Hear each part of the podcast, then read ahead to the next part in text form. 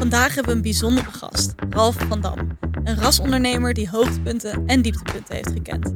Ralf was een van de internetondernemers die in de jaren 90 als pionier de eerste 06-provider voor het internet was. Voor de Gen onder ons, vroeger moest je inbellen om bij het internet te komen.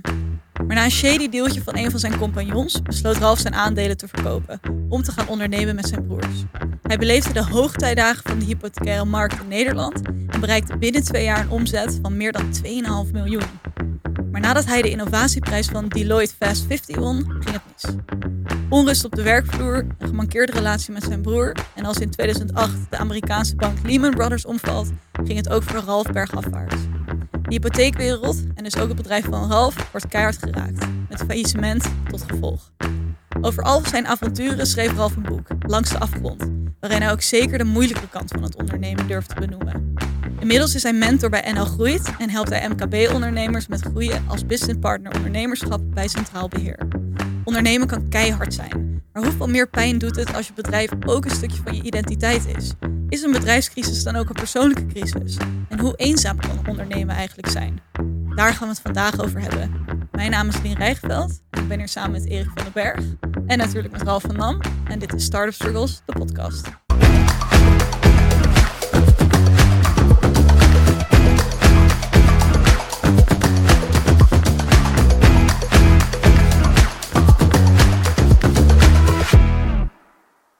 Welkom Ralf.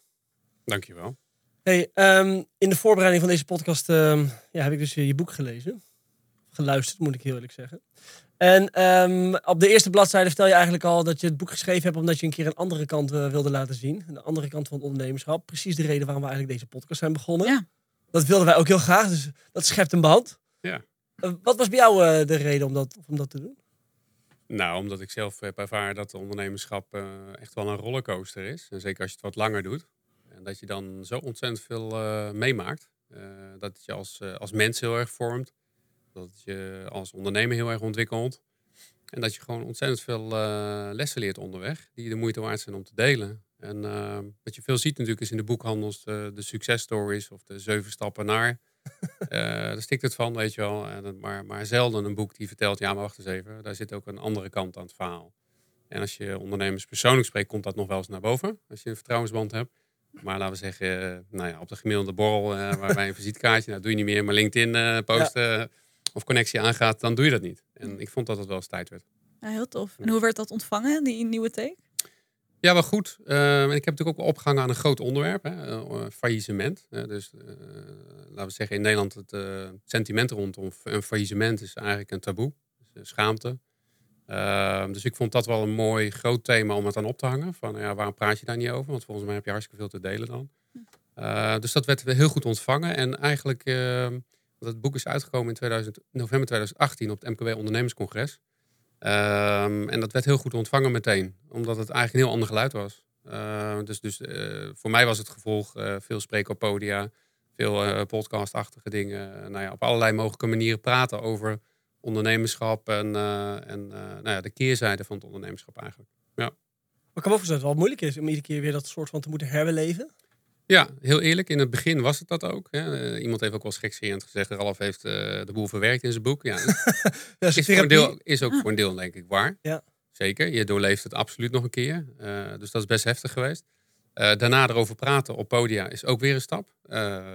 Hè, voor weet ik veel, 50 man tot 1000 man. Ja. Ja, ga het maar doen. Hè. Ja. Voel je toch wel redelijk kwetsbaar en, en naakt. Aan de andere kant, ik ben natuurlijk wel jaren verder nu. Ja. Dus eh, d- dit, dit speelt ongeveer in de periode 2011 tot eh, nou, 2013. En ja, nou, we zijn nu in 2024, dus ik sta er inmiddels wel wat verder vanaf. En toen ook al. En, en dus kan ik er ook wat makkelijk over praten.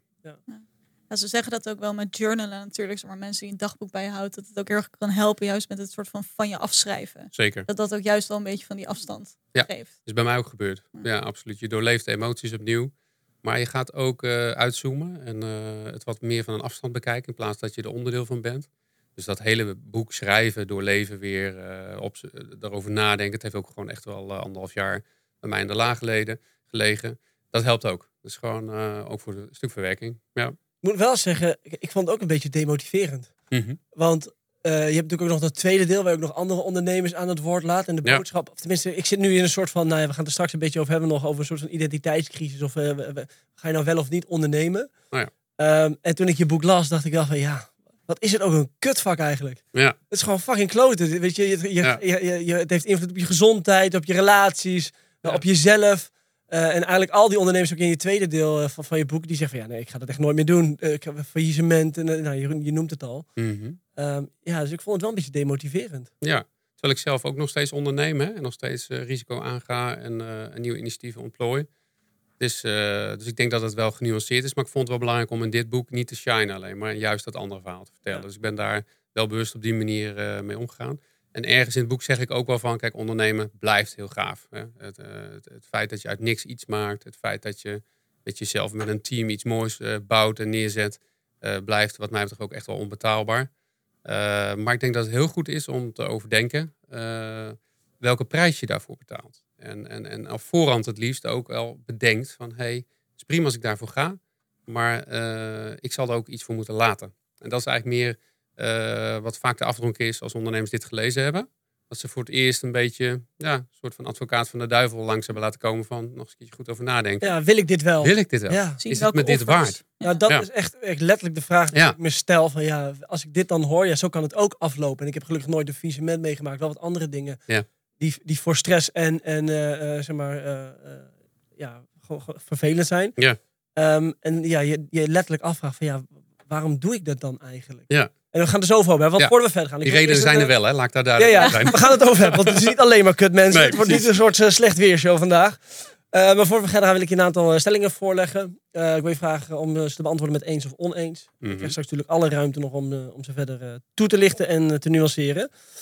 Voor een ondernemer is elke bedrijfscrisis eigenlijk een identiteitscrisis. Eens. Mijn bedrijf verliezen was alsof ik een goede vriend verloor. Eens.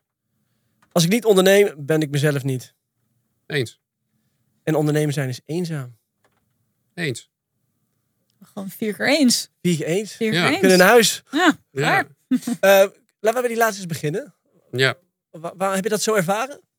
Ja, eh, ja zeker. Ehm, en en dat, dat, dat gevoel van eenzaamheid eh, groeit eigenlijk parallel aan het feit dat je verantwoordelijkheden toenemen. Ja, dus eh, als je in je eentje bent en moet voor je eentje zorgen en eh, dat er, laten we zeggen, brood op de plank komt met jouw bedrijfje, oké, dan dat, kan ook wel heel lastig zijn. Kijk maar naar eh, situaties bij ZZP'ers. Ja. Maar als dat bedrijf groeit, je bent niet meer alleen, je hebt een team, je hebt uiteindelijk, weet ik veel, 50 man en een tent die draait en allemaal gezinnen die daarvan van eten dan kan dat een verantwoordelijkheid zijn waar eenzaamheid wel aan gekoppeld wordt op het moment dat het dus heel erg spannend wordt. Dus als jij dan in maart denkt, shit, hoe ga ik de vakantiegelden betalen in mei? Ja. Want dan komt er in één keer een salarisronde van, weet ik veel, eh, 30.000 euro aan. En dan sta je er wel alleen voor. En dan, en dan is dus de vraag, bij wie kan je dan terecht om dan je zorgen te delen? En dan ook echt dat gevoel van verantwoordelijkheid te delen.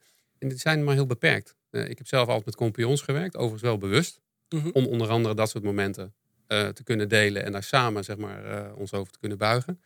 Maar eh, ja, ik zeg altijd in the end of the day, als je alleen in je bed ligt en, eh, en er moet uiteindelijk een knoop doorgehakt worden, dan is het ondernemerschap denk ik wel echt een eh, vorm eh, die je heel eenzaam kan voelen. Ja, omdat alles en iedereen om je heen vaak ook wel een belang bij je heeft. Ja. Dat realiseer je in het begin ook niet zo, maar nou ja, je klanten, je leveranciers, je medewerkers, eh, je aandeelhouders, je investeerders, nou ja, zo kan je wel doorgaan. Iedereen, eh, alle pijlen wijzen naar jou, zeg maar. Ja. Dus er is een belang eh, bij jou. Hm. Eh, maar nou andersom, wie staat nou naast jou om jouw belang te dienen? Ja. Dat zijn er vaak maar heel weinig. En, en helemaal als het eh, mogelijk wat minder goed gaat, dan zie je alleen maar de beweging van je af. Zou je dat dan dus ook aanraden aan ondernemers om dus altijd wel die mensen naast je te hebben? Ja. ook? Ja, super belangrijk. ik ben zelf ook mentor bij bijvoorbeeld bij Enel Groeit. Daar begeleid ik ook eh, jaarlijks zo'n vier ondernemers. Maar ook op allerlei andere mogelijke manieren probeer ik altijd aan te raden ondernemers. Zorg dat je een netwerk om je heen hebt. Eh, Maar wat voor netwerk moet dat zijn? Want eh, ze zeggen wel eens, hè, je wordt het gemiddelde van de vijf of zeven mensen om je heen. Ja, Moeten dat ook mensen zijn die dichtbij je staan? Hè? eh, vrienden? Ja. Zeg maar, waar, waar moet ik dat zoeken? Of zijn Ja. het meer echt mentorships? allebei. Dus ik denk in de privésfeer zoek een vriend die niks met je zaak heeft, maar er wel is voor jou als persoon, Ja. als mens. Gewoon steun? Zoek iemand die je support kan geven op je rol als leider van het bedrijf. Dus veel meer op je rol en je functie in het bedrijf.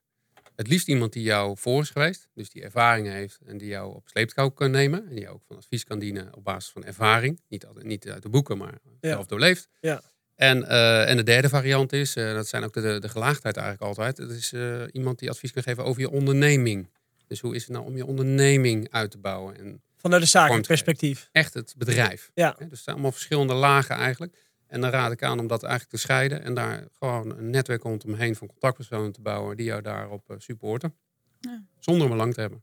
Belangrijk. Dat is ook wel waar we het eerder over hebben gehad. Toch? Dat je soort van afvangt dat je altijd om hulp kan vragen. Als het nodig is. Dat er Ja. altijd iemand Ja. is die je dan kan raadplegen daarvoor. Ja, ik denk anders wordt het wel heel eenzaam. Ja. Als je Nou dat niet hebt. Ja, zeker. Ja.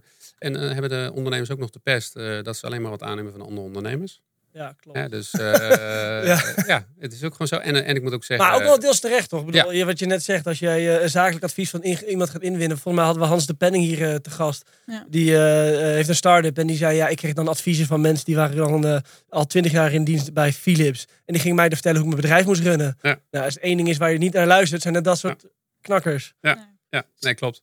Dus eh, hey, ze zeggen wel eens dat je ook alleen maar advies kan geven over de dingen die je zelf echt doorleefd hebt. En praat dan uit hoe je het gedaan hebt. Maar zie je dat ook- Hoe, het zou, hoe, het, hoe het zou moeten. Zeg. maar. Maar dat, zie jij dat ook zo? Ja, absoluut. Ja, ja, ja, heel belangrijk. Ehm, als je zelf dat pad niet doorlopen hebt, ja, hoe kun je dan in godsnaam eh, doorleven wat iemand dan meemaakt en wat, wat wijsheid zou zijn? Dus ik, nee, ik hecht daar heel erg sterk aan. eh, ja. Maar eh, tegelijkertijd, ondernemers zijn stronteigenwijs, ik ook. Eh, je moet wel open blijven staan voor de experts om je heen. Die dus op, op vakgebieden beter zijn dan jij. Ja, dus namelijk HR, finance, eh, whatever. Maar niet wat je nodig hebt. Ja. Eh, zorg dan ook dat je de mensen om je heen verzamelt die daar dan wel in accelereren. Maar op dat ondernemerschap ben ik er echt voorstander voor om iemand te kiezen die dat zelf doorleefd heeft. Ja, dus een HR-expert die geen ondernemer is, dat kan. Fijn, op Ja. je vakgebied. Ja, juridisch en noem het allemaal maar op wat je nodig hebt. Ja. Ja. cool. Maar hoe is dat voor jou dan eigenlijk? Want zeg maar met die eenzaamheid, want je was natuurlijk bij een centrum in dienst, daar zat je in het MT. Dan had je in principe nog een MD die net boven jou Ja, stond. dat was niet eenzaam. nee. Nee, dat was heel gezellig. Maar zie je het dan ook zo dat dat ook wel een factor is dat je als je nu dat niet meer hebt, dat dat het extra eenzaam maakt voor jou? Nou, wat jij zei net van, ehm, eh, ik heb toen heel bewust gekozen om met compagnons te werken. Ehm, toen ik mijn eerste bedrijf eh, startte, was het meer toeval. Het was gewoon een voetbalvriend. Eh, maar dan had ik wel een compagnon. Dat vond ik heel prettig. Ehm, maar eh, achteraf eh, die heb, ik, die heb ik niet geselecteerd, zeg maar. Ik ben niet gaan kijken van, hey, wat is nou complementair, wat past nou bij mij en wie zou goede co-founders zijn. Hm. Dus in retrospect zou ik dat echt anders doen en iemand bij je zoeken die bij je past, eh, die, die iets invult waar je, waar je ook daadwerkelijk iets aan hebt. Ehm, toen ik van de zomer besloot om weer voor mezelf te beginnen, toen heb ik wel heel erg nagedacht van ja, wie ga ik om me heen verzamelen? En aan wat voor mensen wil ik hulp vragen? En precies wat jij zei, ik heb een mentor gezocht die al een bedrijf heeft in de, in de, in de wereld waar ik in zit, een designbureau van 40, 50 man.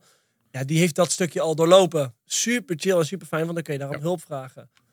Ehm, maar toen het misging, zeg maar, eh, van, de, van, van, van het najaar, dat, dat die management bij in die doorging en die joint venture klapte, ja, dan ja, uiteindelijk sta je er dan nog steeds wel alleen voor. Weet je, dan kun je compagnons opzoeken eh, wat je wil, maar uiteindelijk staat, sta je er nog wel alleen voor. En dat vind ik wel, ik vind het wel lastig soms, omdat je ook in mijn, ik heb bij vriendengroep geen ondernemers. Nee. Mijn ondernemernetwerk is ook niet super groot.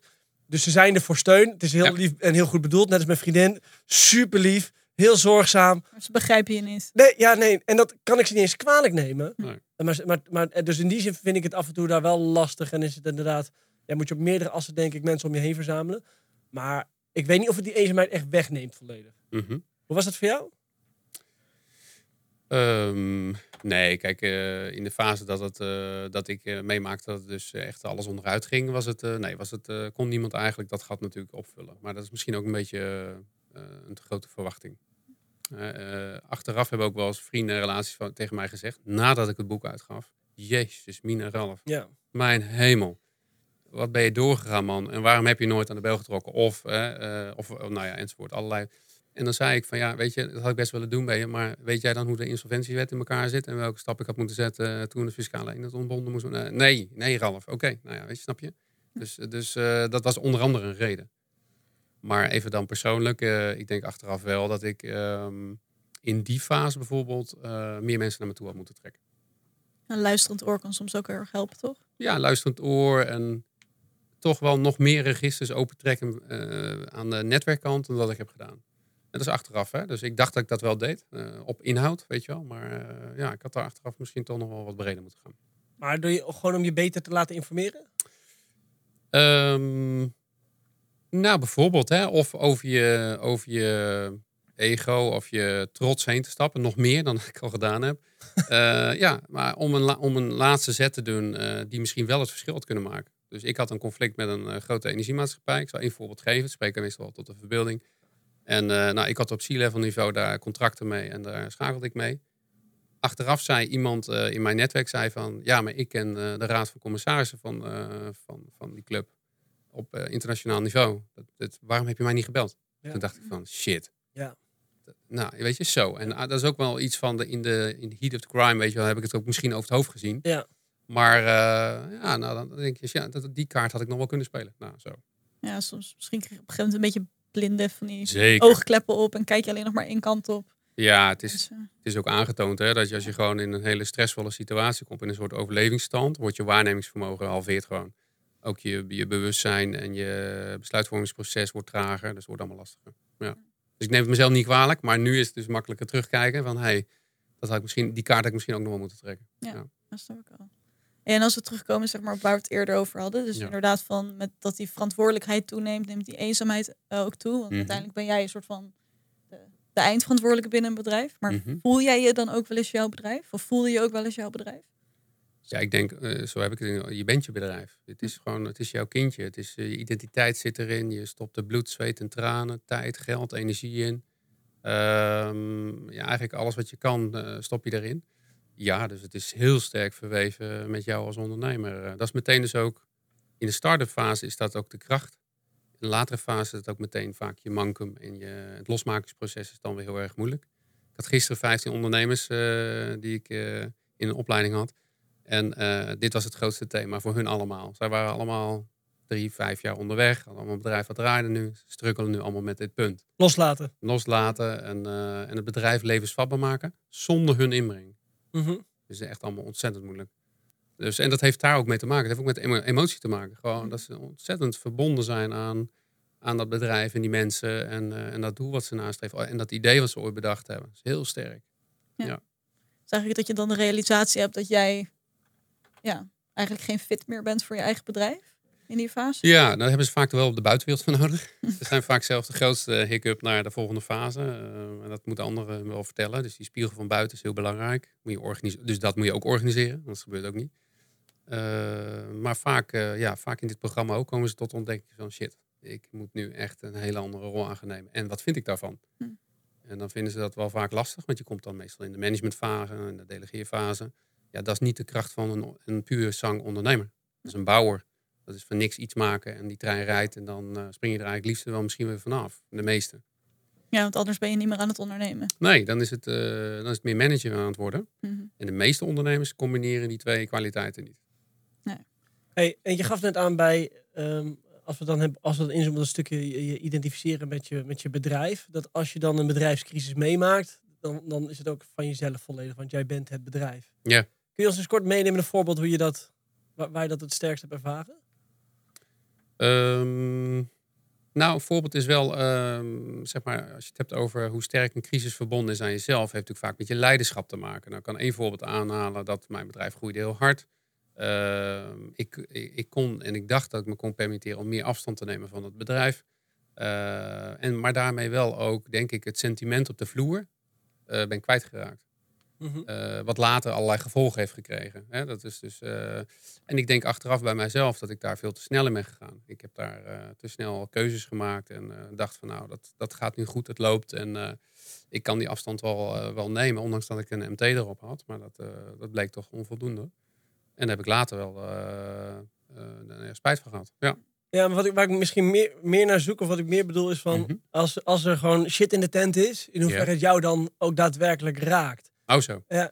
Nou ja, eh, ja, toch wel hoor. Ja, ongelooflijk veel meegemaakt met Ja. eh, personeel. Eh, in allerlei hoedanigheden. Dus eh, diefstal eh, tot... eh, nou ja, ik Ja, kan- ik, heb, ik heb het voorbeeld gelezen in je boek Oh, waar je, Ja, een, een leaseauto die de grens overgereden wordt en nooit weer teruggebracht wordt. eh, ja, of papiertjes die gelekt worden aan iemand die het bedrijf wil Ja. kopen. ja, software Ja. wat meegenomen wordt naar het volgende bedrijf. Ja, ja, best wel heel erg veel meegemaakt. Eh, ja, dat raak je wel. In het begin, kijk, als je net begint met ondernemen, dan neem je het te persoonlijk. Dan denk je echt van, nou, ik word gewoon oor aangenaaid. Ja. Ik persoonlijk. Ja. Als je iets verder bent, dan denk je, nou, dat is vaak niet zo. Want er zit dan toch wel weer andere redenen achter. Dat heeft niks met mij te maken. Maar ja, dat moet je dan wel leren of zo, hè. Maar dat raak je natuurlijk wel. Als je belazen wordt, of eh, dan is dat heel, eh, heel intens. En ik Maar je hebt daar nog wel een bedrijf gehad en dat is weer een andere Ja. dynamiek. Want dan zit je met je broers in je bedrijf.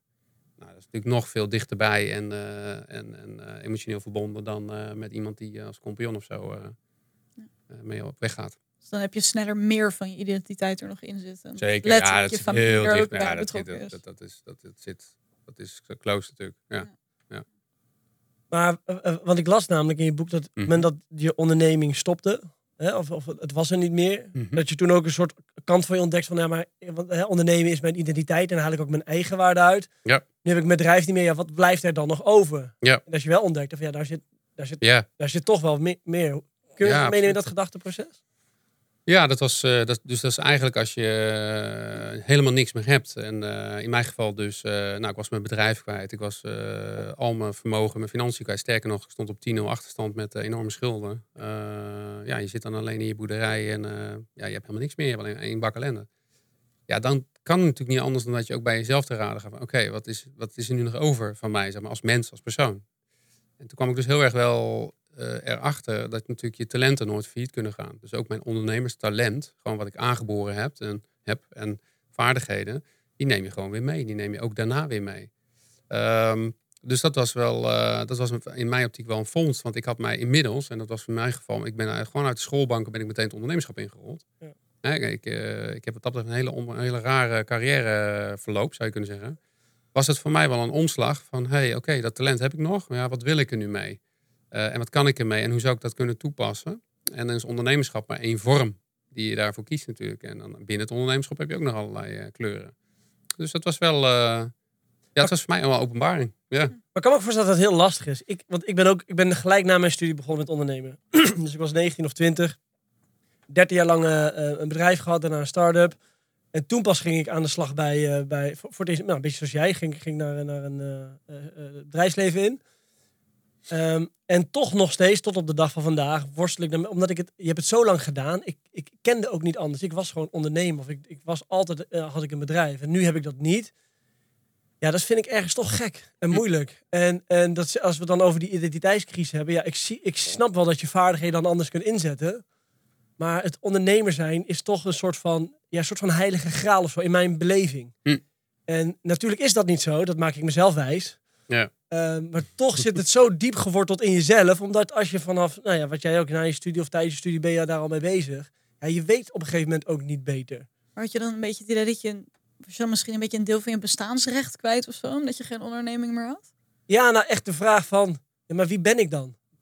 Ben ik dan wel, ja, be- ben ik dan nog wel dezelfde? En natuurlijk ben je niet dezelfde, want je hebt je ontwikkeld, je hebt dingen meegemaakt. Uiteindelijk ben je gewoon Erik, of je bent Ralf, of je bent Lin. Hm. Ehm, maar ik, het- toen dat stopte, had ik wel het idee van, ehm, ja, dat, dat, dat, dat het een stukje soort van afgestorven was. Tegelijkertijd heb ik me in bedrijfsleven in loondienst veel meer ontwikkeld dan ik ooit in mijn bedrijf had gedaan. Want ik heb allemaal dingen geleerd die ik, die ik als ondernemer helemaal niet wist. Omdat ik ja, geen mensen om me heen had waar je, waar je, waar je dat van kon leren. Mm. Ehm, ja. Nee, maar ja, ik bedoel meer een beetje van, oké, dus je had eerst een onderneming. Nou, we hebben het er inderdaad over dat dat ook gewoon een deel van je identiteit wordt. Nou ja, dan stel je stop met die onderneming of je verliest die onderneming en dan ga je daarna in loondienst. Dan is ook dat stukje van je identiteit dus een beetje weg. ja. Had je daar zeg maar nog last van? Dat daar dus een bepaalde compensatie of zo op kwam in, op andere manieren? Ehm, nou, vroeger dus wel. Eh, dus bij, bij, bij Blitz, toen dat stopte, toen dacht ik, en ik ging in loondienst, dat vond, dat vond ik echt heel, heel gek. Want toen dacht ik, nee, maar, dit, dit, oké, maar het moest gewoon, want er, was, er was ook niks meer. Ehm, nu, door, zeg maar, door de persoonlijke ontwikkeling die je meemaakt en je wordt ouder, denk je, ja, maar er zijn ook wel meer dingen dan alleen ondernemen. Of, on- eh, weet je, dat is niet wie ik ben. Ehm, maar ik moet zeggen, ik ben er niet helemaal uit hoor. Het is niet Nee. zo dat, Toen jij bij een centrum uit dienst ging, was Ja. het meer juist van nee, ik ben dit echt, de Ja, ondernemer. We exact. zijn nu, wat is het, eh, vier Ja, toen heb ik maanden het- verder. Ja, toen heb ik het boek van Ralf gelezen. dacht ik, ja, maar dat wil ik helemaal niet, joh. ja, dus dat vind, ik vind het wel, ik, ik weet het niet zo goed. Ik vind het wel, Ik, dat vind ik denk eh, wat interessant is om te onderzoeken voor, je, onderzoeken voor jezelf, is natuurlijk wat drijft je nou om te ondernemen? Ja, Dus achter jouw behoefte om ondernemer te zijn, ja. whatever that is, hè, eh, wat, wat drijft je nou? En dat zijn natuurlijk gewoon de menselijke drijvers die eh, overal achter zitten. Maar het is wel goed om eh, te beseffen wat dat is. Ja. En dus, er wordt altijd gezegd onafhankelijkheid en vrijheid. En eh, nou ja, eh, eigen baas spelen. Of, Ja. eh, dat soort termen. Terwijl als je dat dan gaat afpellen met iemand, dan zeg je hoe vrij ben je nou eigenlijk? En hoe Nee, onafhankelijk niet. ben je Nee, dan? echt, maar zeker En, dat eh, vrij zijn, echt totaal niet. Veel minder zelfs. Ja. Het moment dat ik uit dienst ging, was het gewoon weer, was de shit gewoon weer aan. Ja. En ben je veel minder vrij dan, eh, dan wanneer je in loondienst bent. Dus, dus eh, je afhankelijk kunnen opstellen van een ander. ehm, en, en natuurlijk ook wel de, de rol als ondernemer. In mijn boek staat de quote van, eh, vind ik echt, eh, van hoe heet die, René Vrijters van Knap. Terwijl ik die interviewde, zei hij van, ja maar Ralf, ik ben eigenlijk nooit, iedereen ziet mij wel als ondernemer. maar Ik ben eigenlijk nooit ondernemer geweest. Ik zeg, wat bedoel je dan? Hij zegt, nou ja, ik ben altijd betaald voor mijn job. Oh ja. Dus ik heb Alex wel opgezet en Knapbank wel opgezet. Maar ik ben nooit financieel, heb ik enig risico gelopen. Nou, ja. De buitenwereld weet het allemaal niet. Nee. Misschien René Vrijters als de oprichter van de ondernemer. Ja. Dat is helemaal niet waar. Die heeft gewoon een. eh, en toen, en, maar terwijl ik dat eh, interview had, dacht ik ook van. Nou ja, zo kan je natuurlijk ook naar kijken. Je kan wel degelijk een onderneming opzetten en ondernemend zijn. Terwijl je eigenlijk het eh, financiële risico helemaal niet loopt. Ja, is dat zo? mooi neer. Ja. Maar, ja, dat, maar, eh, ehm, want dat is wel een beetje mijn, mijn filosofie altijd van. Je moet echt wel skin in de game hebben, risico lopen. Dat is voor mij in die zin. Ja. Anders ben je ondernemend. Maar is het ook echt ondernemen? Ja, nou ja, dat, is- dat is dus, dus het is heel goed voor jezelf om daar eh, het verschil te voelen van, is dat nou echt zo belangrijk, ja of nee? Ja. En misschien zat René er wel met een bepaald, ik weet niet wat, Nee, zijn- nee, ja, ik ken zijn afspraak natuurlijk niet. Ja. Zal ongetwijfeld een eh, bepaalde eh, goede afspraak eronder wel gevolgen of zo Maar- geweest. Geen aanladen om er wat te noemen. Hè? Dus dat is echt wezenlijk, wezenlijk verschil. Dus dat vond ik wel intrigerend. ik dacht, oh ja, ja, zo kan je natuurlijk ook naar kijken. Nou is die recent wel ingestapt in een bedrijf en is die wel aandeelhouder Ja. geworden en investeren. Dus nou ja, snap je? In Dan het kader van vormen. of het dan anders is voor hem. Of het Ja. anders ervaart. Nou, hij zegt van niet. Ah ja. Ik sprak hem daarover. Oké, eh, Had gewoon weer zin om iets op te pakken en, eh, en die club verder te brengen. Ehm, Hey, wat was jouw drijfveer dan? om te ondernemen. Ja. Ja, ik denk eh, heel erg de drang om mijn eigen ding te doen. Mijn, mezelf aan iets vorm te geven. Wat ik al zei, van niks iets maken. Voor je gevoel het verschil kunnen maken. Vind ik ook altijd wel eh, iets neer te zetten waarmee je denkt van nou dat is gaaf. Ehm, waarom zijn die Ja. dingen zo belangrijk?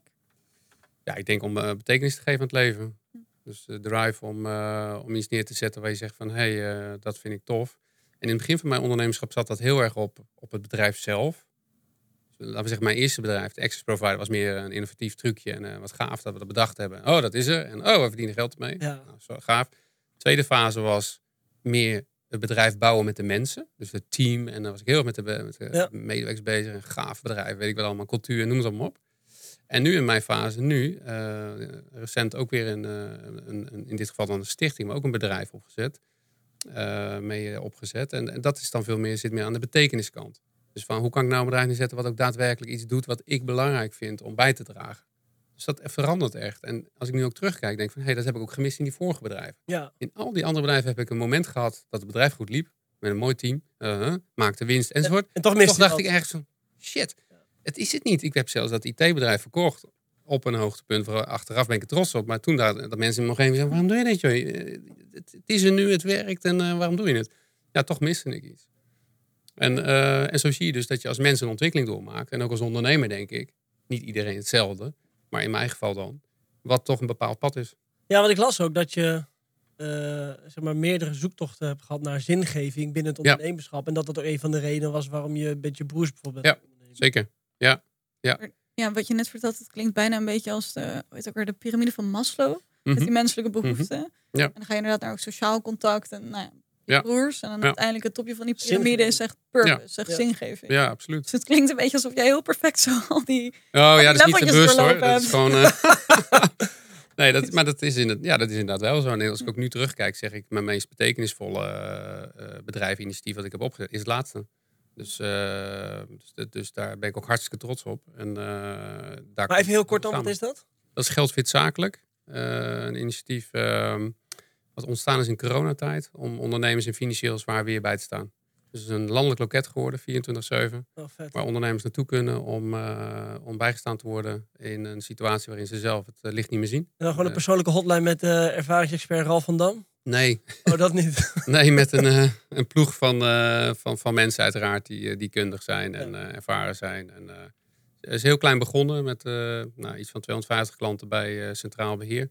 Eh, en dat werd zo goed opgepakt en dat sloeg zo aan dat we dat hebben uitgebouwd. En nou, nou, ik heb dat mee helpen opschalen naar landelijk niveau. En nu is het onderdeel van onder andere SZW, het ministerie, EZK. Die zeggen, ja, dit is zo belangrijk, dit supporten wij. samen met wat private partijen.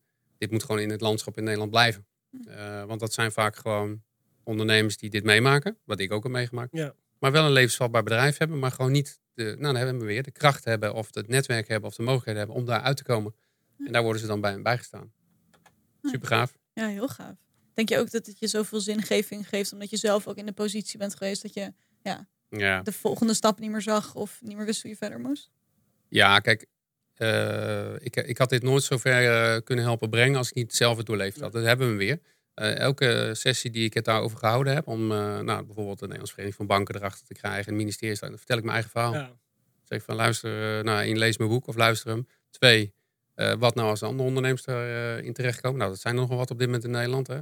meer dan 50.000. Ja, wat gaan we nou doen? Achterover leunen en wegkijken of gaan we iets neerzetten? Nou, en, en zodoende heb ik daarop door kunnen pakken en, en geholpen om die stichting leven in te blazen. Heel tof. Ja, zeker omdat je zei van ja, zo'n bedrijf verliezen, dat kan ook wel voelen als het verliezen van een goede vriend. Ja. Help, uh, helpen jullie op die as ook? Of zeg maar, is het echt puur de zakelijke kant? Nee, het is, het is, ja, het is en ook mentaal. Uh, dus het is steeds heel breed hoor. Uh, dus, dus financieel, juridisch, wat je nodig hebt is er. Zou ik bijna willen zeggen, ook mentaal support.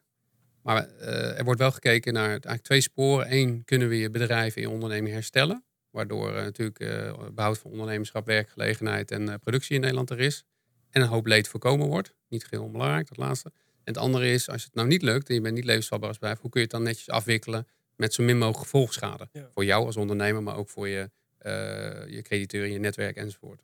En daar helpen we bij. Ja, want je gaf net al aan, ja, op een gegeven moment zat je daar op een boerderij zonder geld, zonder. Ja. Hè, dus dat, jij hebt dat meegemaakt. Ja. Hoe was dat voor je die tijd? Ja, uh, super uh, eenzaam. Zwart, echt een zwarte bladzijde. eigenlijk waar, Kijk, alle pijlers die je als mens wel nodig hebt om een beetje staan te houden, die worden dan onder je uitgeslagen. dus uh, in mijn geval uh, mijn bedrijf uh, onderuit. Fysiek was ik echt ook wel aan het eind van mijn Latijn. Mentaal, fysiek. mijn relatie stond zwaar onder druk er ook door. Dus dan staan alle dingen in het leven die, die je overeind houden, waar je ook voor denk ik hier ben, die staan in één keer onder druk. En ja, dan voel je je ongelooflijk eenzaam. Dan wordt je wereld ook in één keer heel snel heel klein. Ehm, en dan is het eigenlijk David tegen Goliath, hè, zeg ik wel eens. Dus je, je staat dan echt alleen. En dan helemaal als die aansprakelijkheden zo groot worden. En je hebt een, uh, een aantal curatoren achter je aan die als een soort van hyena's uh, je proberen uit te wringen. Ja, dan, dan, wordt, dan is het heel lastig. En dan heb je echt wel uh, momenten waarop je, waarop je het uitzicht niet hebt. ik heb zelf nooit overwogen om van een brug af te springen. Ik zeg het maar even zoals het is. Mm -hmm. Maar ik snap, ik snap heel goed dat er ondernemers zijn die dit niet trekken. En die gewoon afscheid nemen van het leven. Ja. Dat is groot, hè, wat ik nu zeg. Ja. Maar ik zie het dus nu bij Geldswit Zakelijk, bij de lijnen, die wij natuurlijk binnenkrijgen. Uh, luister ik natuurlijk ook wel eens mee of wat dan ook met contact. En dan, dat is gewoon aan de orde van de dag. Hè? Dat gebeurt gewoon. Ja. Omdat dat zo zwaar weegt. Ja. Dan kan je nog tegen een ondernemer zeggen: ja, maar het is maar je bedrijf. Het is met dit. Ja, joh, maar. Nee, maar het is. Het, en, en wat je zegt, en het, het is je identiteit. Het is je kindje. Maar het is ook je familie, je hele omgeving, je kinderen. Ja.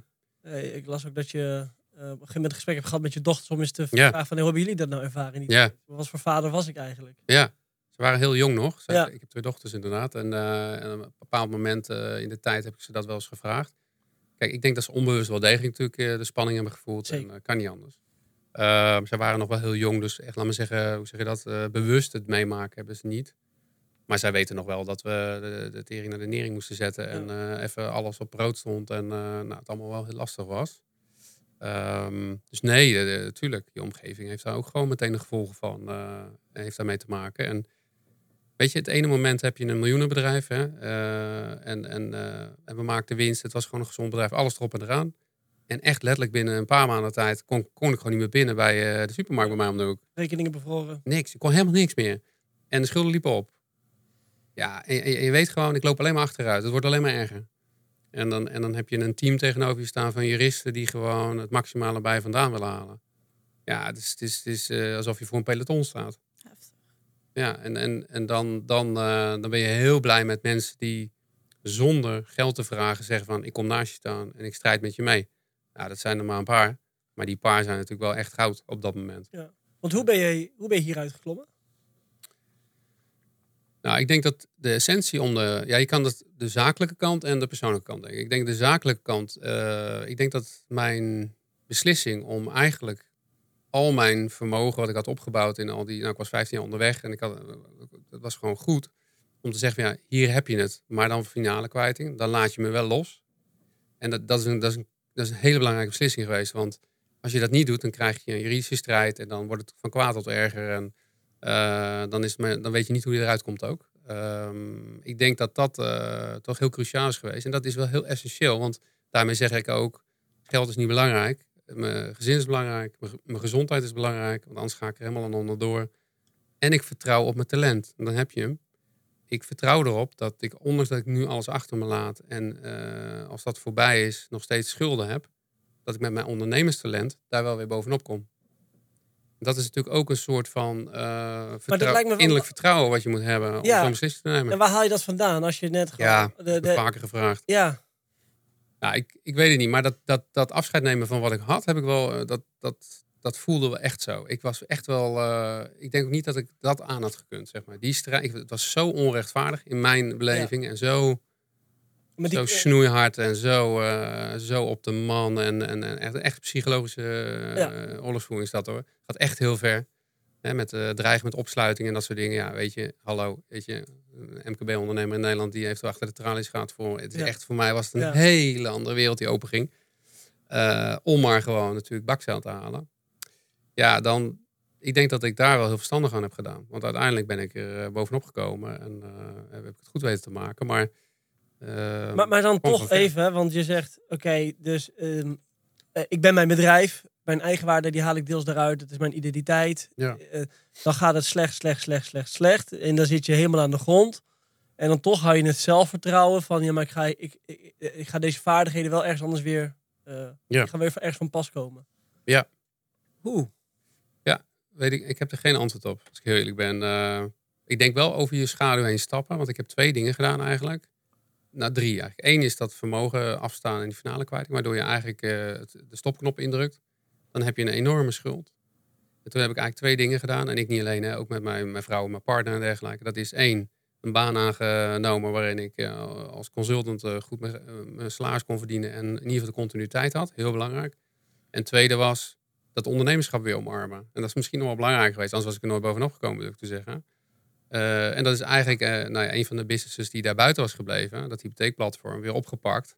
Nou ja, in 2014 weer opgeschaald. En uiteindelijk in 2018 verkocht aan een eh, financieel dienstverlener. Ja, dat heeft uiteindelijk. En ook, toen ik die deal ook maakte en ik daar wegreed, had ik de tranen in mijn ogen. Want ik wist, hiermee heb ik in één klap gewoon een streep gezet aan in het verleden. Plus ik heb weer wat vermogen naar de toekomst om te blijven ondernemen, wat ik zo graag doe. En toen heb ik ook wel voor mezelf gezegd van het is niet meer zo zwart-wit. Je doet het een wel, het ander niet. Het kan ook hand in hand gaan. En dat heb ik ook gedaan.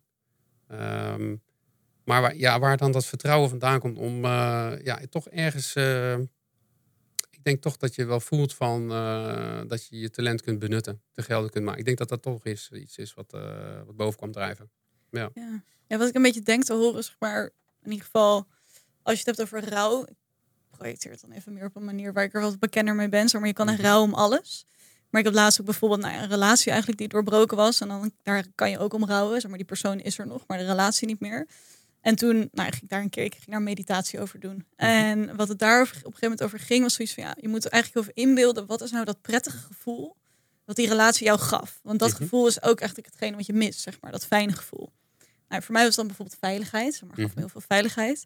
En toen hadden ze het erover van ja, ga dus bedenken waar je dat gevoel nog meer vandaan kan halen. Dus waar Mhm. kan je die veiligheid nog meer zeg maar vandaan trekken?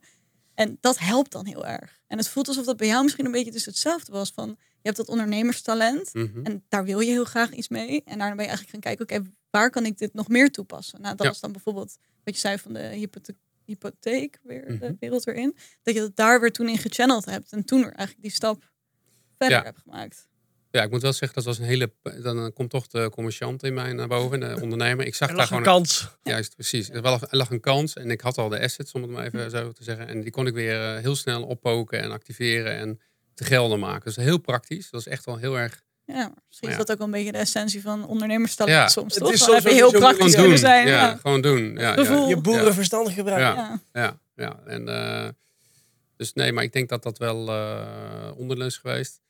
Ja, en aan de, aan de persoonlijke kant. ehm, ehm, kijk, eh, de knop gaat op een gegeven moment om. Je moet weer door. Dus eh, in die zin heb je, je hebt natuurlijk ook niet echt heel veel keus. Hè, als je, Maar zag je, zag je, eh, had je het gevoel dat je gefaald had? Of ik heb dat zeker wel gevoeld natuurlijk. Ja. Ja, ja, ja, tuurlijk. Ja, ja. Nee, we denken, ja, ik heb nachtenlang natuurlijk al aan aangedacht. En ook met het boek schrijven van waar ligt mijn verantwoordelijkheid. Ja. Dat is het eerste waar ik mee aan de slag ben gegaan. Ook met hulp van anderen trouwens. Dus eh, eh, met een psycholoog ook. En eh, van, hey, eh, wat is mijn aandeel in, de- in deze crisis? Want dat, daar moet je niet voor weglopen. Die, dat, die is er. Dat zie ik zelf ook wel. En eh, nou, dat zag ik natuurlijk eh, maar deels. In, als je er middenin zit. Maar als je dan iets verder vanaf komt, dan is het heel interessant om te kijken eh, waar, die, eh, waar die lagen. En, eh, en daar ook mee aan de slag gaan. Ook naar de toekomst toe natuurlijk. Ik ben wel benieuwd trouwens, Erik, want zeg maar, jij zit nu ook een beetje op het puntje, je bent een beetje op zoekende nu. Je weet het even niet zo goed ik zit meer. in een crisis. Maar hoe komt, hoe komt dit nou bij jou binnen, zeg maar? Kan, kan jij hier wat mee? Ehm, het zou nu heel lullig zijn als ik nee zou zeggen. hè?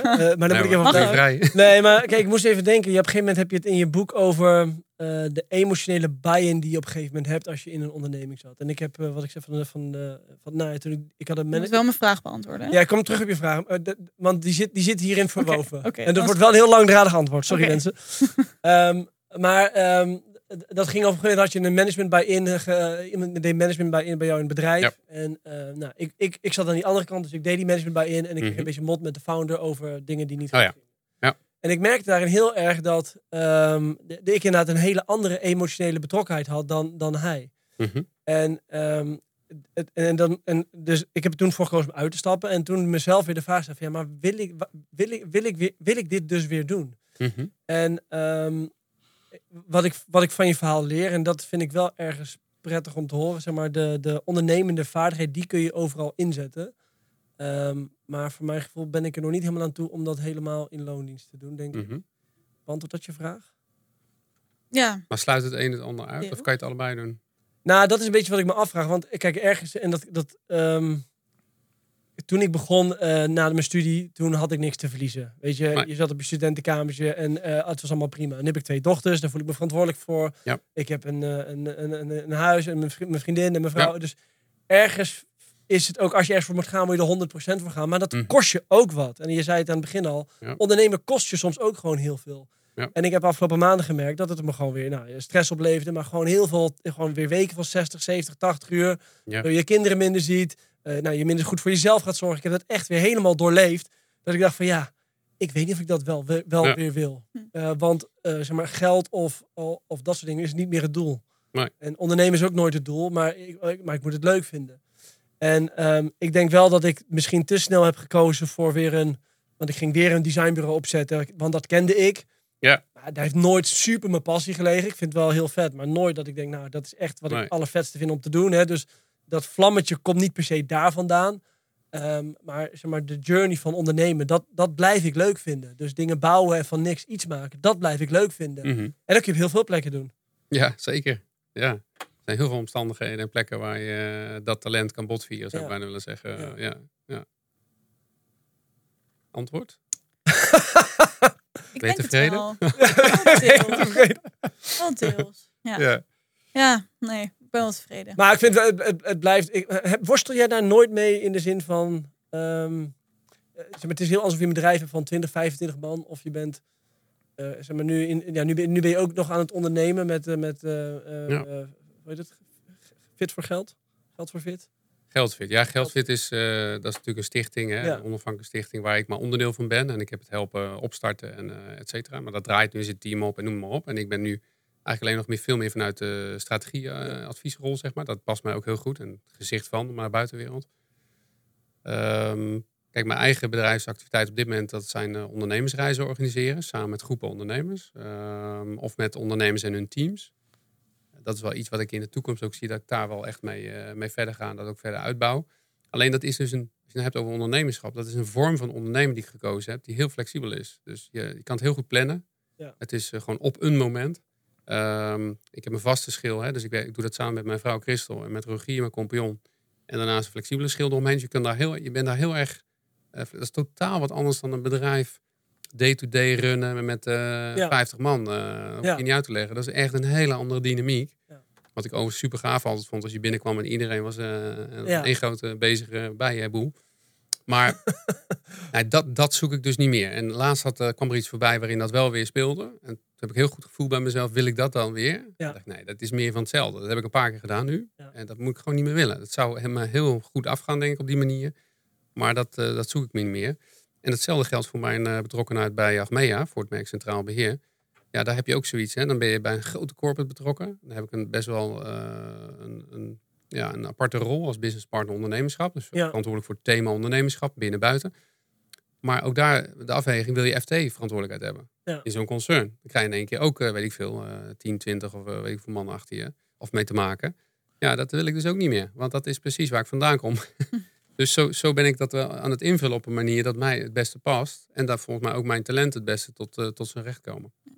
Maar toch zei je, zeg maar, als ik niet onderneem, ben ik niet mezelf. Mhm. Hoe, zie jij, hoe zie jij het ondernemen dan in, in, in, dit, in dit licht? Nou, ik, als ik eh, kijk naar de, de twee initiatieven die ik nu doe, hè, met ondernemersreizen en met eh Geldwit Zakelijk, dat zijn voor mij de initiatieven die het ondernemerschap, hè, een beroep doen op mijn ondernemerskwaliteiten en talenten. Dan kan ik ze behoorlijk bot vieren, kan ik je zeggen. Nou ja, en eh, dus daar heb ik ook echt wel voldoende aan. En binnen bijvoorbeeld mijn dienstverband bij eh, Achmea, bij Centraal Beheer, is het veel meer aan de coachende en begeleidende kant en de adviserende kant. Dus eh, dan zit ik veel meer in de expertrol, zeg maar eventjes, dan dat ik zelf aan het ondernemen ben. En dat is ook logisch natuurlijk. Klinkt wel alsof je dan in het algemeen gewoon dicht bij jezelf blijft. Ja. ook als je niet onderneemt, dan blijf je nog steeds dichter Ja. bij jezelf. Dat je wel eh, Ja, nou ja, nog jezelf bent. zolang dat in één lijn is met elkaar, dan is het oké. En dan versterkt het elkaar ook heel erg. Eh, want dan kom je weer op dat element van, kijk, je kan wel praten over ondernemerschap. Dat kunnen er wel meer. Maar als ik voor de groep sta, dan vertel ik gewoon hoe ik het gedaan heb. Ja. En wat ik beleefd heb. En dan, en dan de leuke dingen en gave dingen, maar ook de, de shit. En dat, eh, dat voelen mensen gewoon. Dat voelen ze in de coaching en de advisering. En dat voelen ze bij zo'n programma als ze dat doorlopen bij mij. Zou jij je dochters adviseren om te gaan ondernemen? Nou, ik heb gezegd in het boek, eh, pak het leven ondernemend aan. Dus ga op, ga op zoek naar je talent eh, en, eh, en ga ermee aan de slag. Dat is je namelijk gegeven in mijn optiek. En pak dan het leven ondernemend aan. Ehm, dus dat, dat laat het wel open. En dat, dus ik vind het belangrijker dat je levenshouding is. Eentje van kansen zien, pakken, proactief het leven aangaan. Van betekenis zijn. Dus ook oog hebben voor je omgeving daarin. Eh, dan per se druk op van je zou je eigen tent moeten hebben, om maar wat te noemen. Ja, zo, weet je dan ben je echt ondernemer. Ja, dat, daar ben ik, dat, eh, van die school ben ik dan dus niet. Ja. Nee. Mooi. Ik denk dat dat eh hem weer was voor vandaag. En eh, we sluiten de aflevering eigenlijk altijd op dezelfde manier af met twee vragen. En de eerste daarvan is: wat is het slechtste advies dat jij ooit hebt gekregen over ondernemerschap? Snel rijk worden. Het bestaat toch niet? Nee, ja. Maar is dat een advies? Nee. nou, ja. Word snel ja, ja, Ja, word snel ja, hou je wel hoor. Ja, je wordt snel financieel onafhankelijk. eh, In zeven stappen. Ja, dat verhaal. Ja. En dan, eh, dan, dan, volgens mij vertel je dan maar de helft van het verhaal.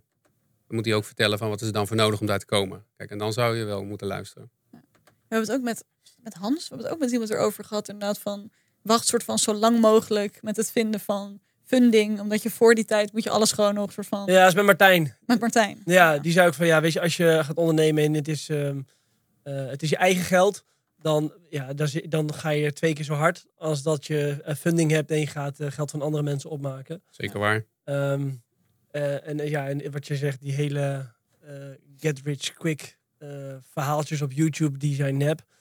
Eh, het is gewoon hard werken. Ja, er is niks mis En, mee. en, nee, en het kan zijn dat het daarna passief inkomen wordt, allemaal hartstikke leuk, maar dan moet je eerst heel hard voor werken. Ja. Dat is het. En de tweede vraag is nog: welk advies heb jij nog voor de luisteraars?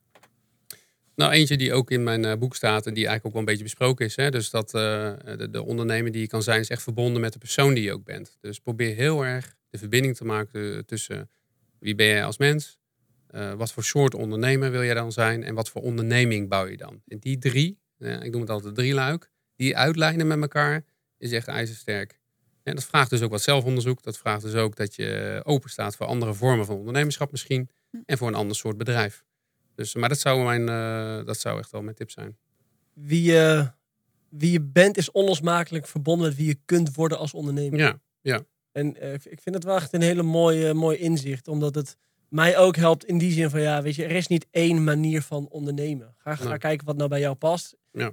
Eh, zowel in ondernemingsvorm hoor ik je zeggen, als in wat die onderneming doet. Ja. En als dat aligned is met elkaar, Ja, het is goud, ja. zou ik je zeggen. Ja, nou, ja ik zie het ja, bij je ook. ja, maar dan ga je Ja. aan. Ik Ja. heb dat al zo vaak meegemaakt bij ondernemers. Ja, Die het ook moeten hervinden. Hè? Dus die Ja. dan ergens in zitten en eruit gaan en dat opnieuw vinden. En dan zie je ze gewoon aangaan. ja. Ik doe ook een beetje denken aan Simon Sinek. Find your why. Ja, What is your why? maar het is best wel, dat is best een moeilijke grote vraag. Ja, je, waar je niet zomaar een antwoord op hebt. Tenminste, ik heb dat. eh, hij heeft ook zo'n een of andere online eh, course waar je dan eh, je find your why doen in vijf stappen. Ja, ik kan hem in die zin niet vinden. Ik weet alleen wel waar krijg ik energie van. Wat vind ik leuk. Ja. Maar misschien nog niet goed genoeg. Nee. Want anders had ik hier anders gezeten met een andere drive. Waarschijnlijk. Ja, en het is ook, dat zie ik dus op mijn reizen heel veel. Als mensen binnenkomen in het buitenland, zeg maar, de gate gaat open, binnen, hebben ze het altijd over hun bedrijf. Ja. Daarna gaan ze het hebben over wie ze dan zijn als ondernemer en hoe ze dat allemaal doen. Dan daarna pas, als we drie dagen verder zijn, dan kom je bij dat mens zijn van ja, waarom doe je dat nou eigenlijk Ja. en hoe zit dat nou eigenlijk? En, en dan zie je heel langzaamaan dat open gaan. En dan kun je ook eh, het opnieuw verbinden met elkaar. En vaak zijn heel veel ondernemers dat wel echt kwijt onderweg geraakt. Blijf in connectie met jezelf. Ja. Nice. Mooi. Bedankt, Ralf. Thanks, Ralf. Bedankt voor je Ja. openheid en eh, ja, je tijd vandaag. Nou ja, voor de mensen thuis, wil je nog reageren op deze podcast of heb je een vraag aan Ralf, dan kan je ons altijd e-mailen op, naar, op of stuur ons even een berichtje op Instagram. En eh, ja, tot de volgende keer. Thanks, Ralf. Jo, graag gedaan.